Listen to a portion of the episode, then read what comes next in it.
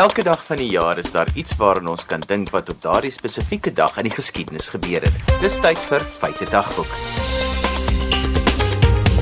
Op die 24ste Januarie 1941 word die Amerikaanse sanger, liedjie-skrywer, musikant en akteur Neil Diamond gebore.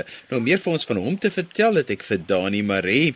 Dani, hy's natuurlik bekend vir liedjies so Sweet Caroline, I Am, I Said. Wie was Neil Diamond? Wel, Neil Diamond is 'n ou wat ehm um, kom sê maar redelik onder redelike nederige ehm um, lewensomstandighede gebore is en het groot geword in Brooklyn, New York.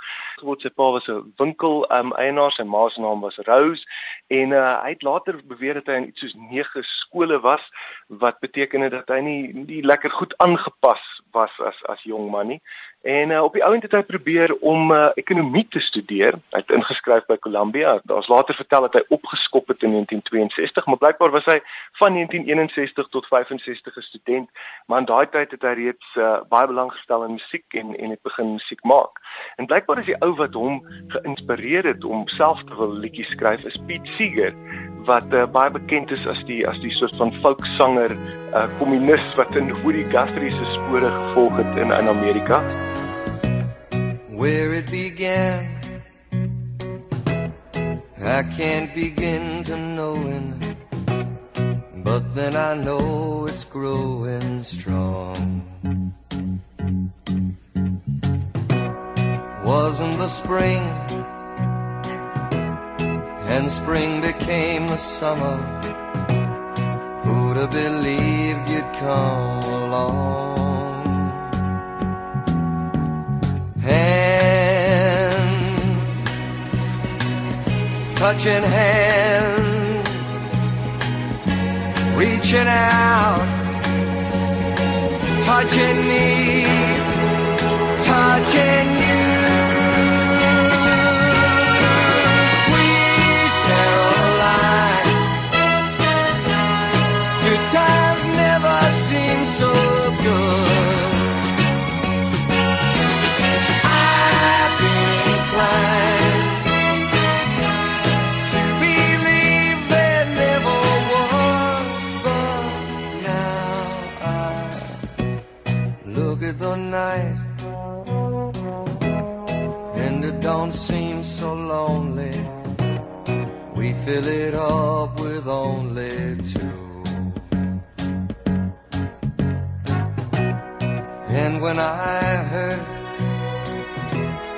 Hurting runs off my shoulders.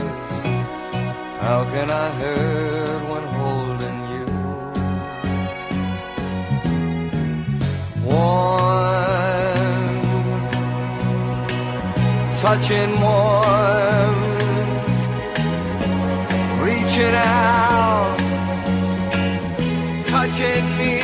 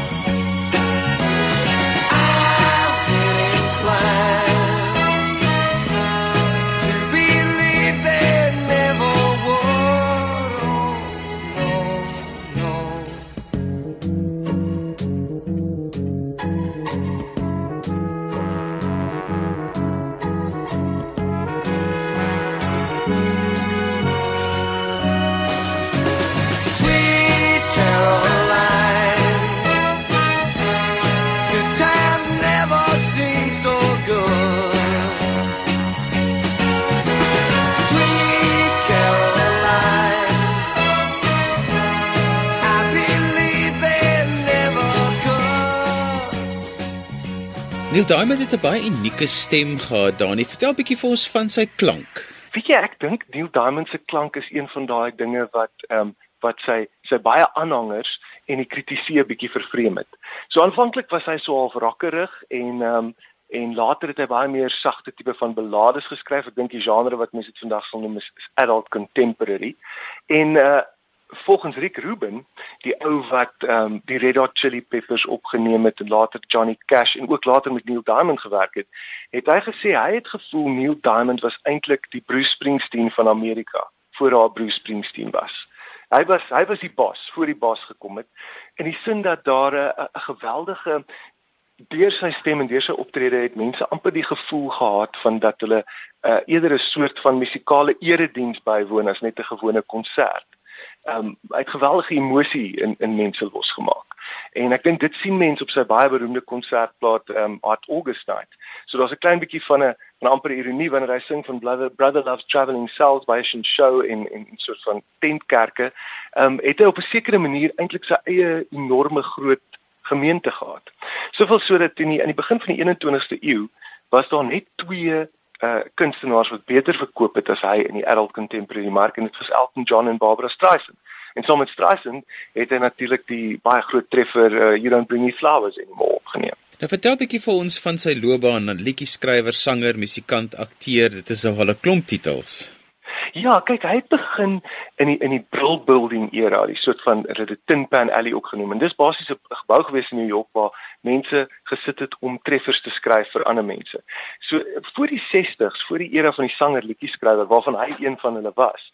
Ehm um, het mense eintlik maar groot treffers opgeneem wat deur ander mense geskryf is. Jy dink aan Elvis, Frank Sinatra ensovoorts. Maar met die Beatles en Bob Dylan en Paul Simon wat ook in die Brill Building gewerk het, het hierdie ding begin verander.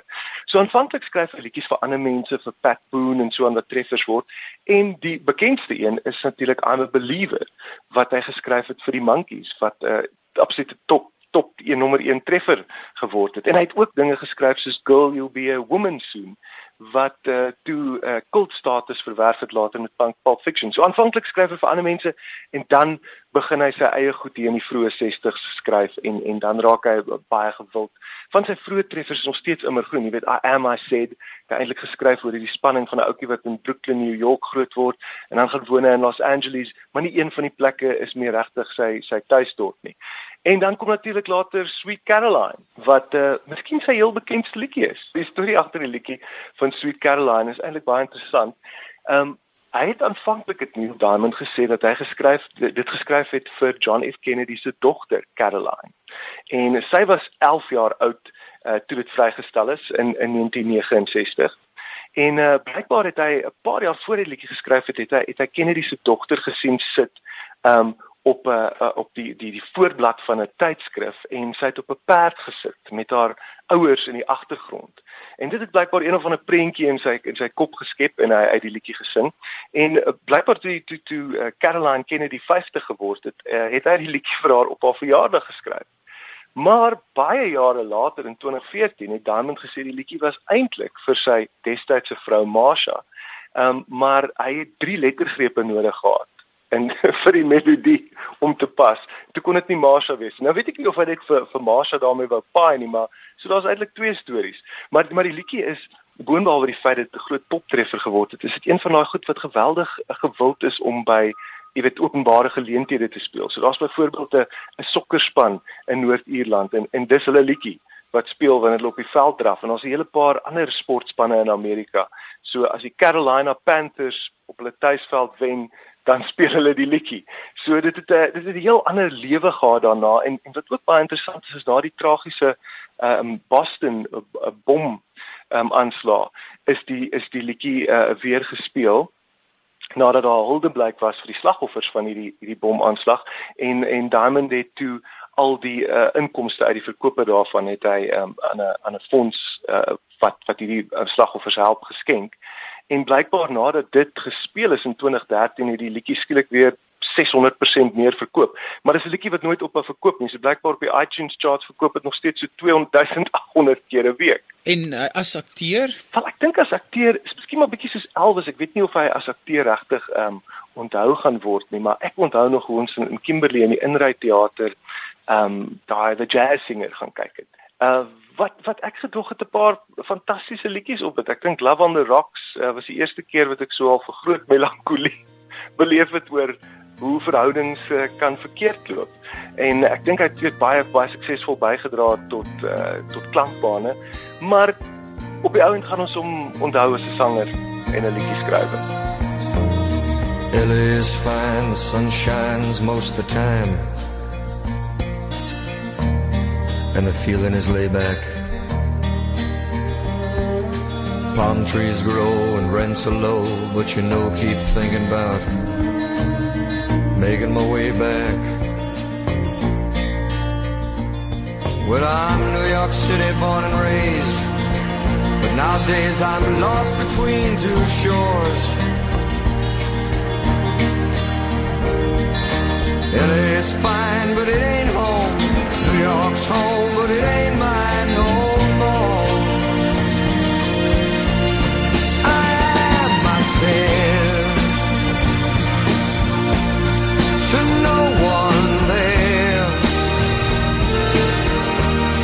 and no one heard at all, not even the chair. I am, I cried.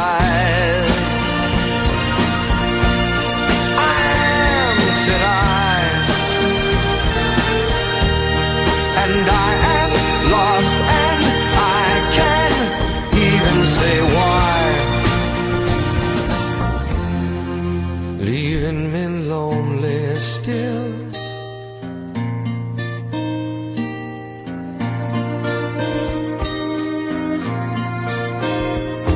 Did you ever read about a frog who dreamed of being a king and then became one? Well, except for the names and a few other changes, if you talk about me, the story's the same one. But I got an emptiness deep inside that I've tried, but it won't let me go.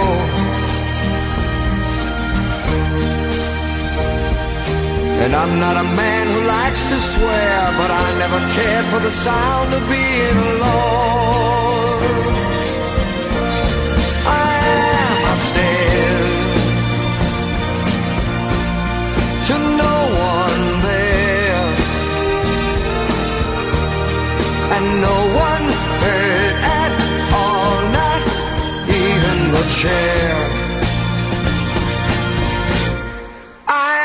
Am, I cried.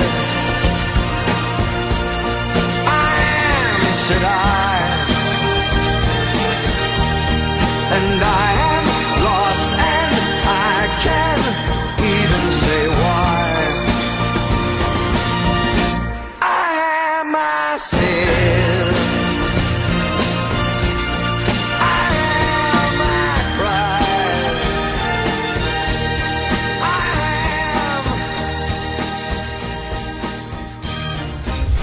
Volgende keer vertel ons jou van nog iets wat op 'n spesifieke dag gebeur het. Tot dan groet ek Johan van Lille vanuit die Feite Dagboek Ateljee.